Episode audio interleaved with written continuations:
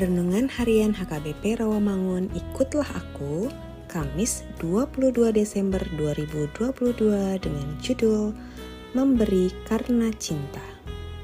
Bacaan kita pagi ini tertulis dalam Yesaya 11 ayat 1 sampai 10 dan bacaan kita malam ini tertulis dalam Matius 1 ayat 18 sampai 25. Dan kebenaran firman yang menjadi ayat renungan kita hari ini ialah Tawarik 29 ayat 9 yang berbunyi, Bangsa itu bersuka cita karena kerelaan mereka masing-masing, sebab dengan tulus hati mereka memberikan persembahan sukarela kepada Tuhan. Juga Raja Daud sangat bersuka cita. Demikian firman Tuhan. Sahabat ikutlah aku yang dikasihi Tuhan Yesus, pemberian persembahan dan perpuluhan di gereja tidak ada hubungannya dengan uang, melainkan iman yang menghitung berkat anugerah Tuhan. Dimulai dari Raja Daud sendiri, ia memberikan ribuan talenta emas, perak, tembaga, kayu, besi, dan permata. Bangsa itu pun mengikut dan memberikan persembahan dengan rasa sukarela dan sukacita. Itulah yang terjadi bila seseorang cinta akan Tuhan dan rumahnya. Sebagai manusia, sesungguhnya bahwa dalam perjalanan kehidupan kita digerakkan oleh cinta. Orang yang cinta akan penampilan fisik yang menawan akan berkorban untuk menjaga kondisi fisiknya,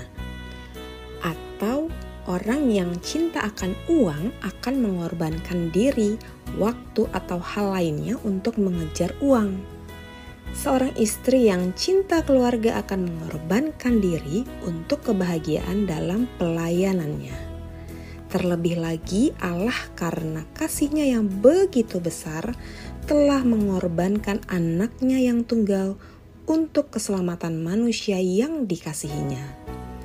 Di masa-masa Natal ini, kita sedang merayakan cinta Allah yang begitu besar. Dia rela memberikan miliknya yang paling berharga, paling pantas untuk saya dan Anda.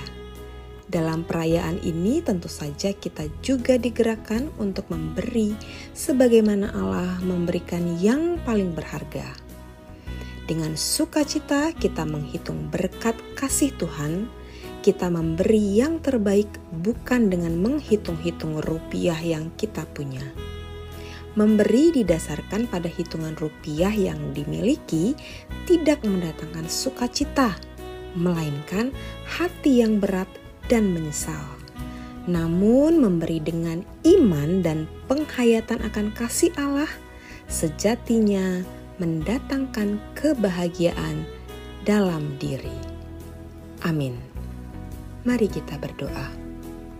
Allah Tuhanku yang Maha Kasih, dengan kasihmu engkau hadir bagi kehidupanku dan di dalam kasihmu pemeliharaanmu nyata dalam hidupku.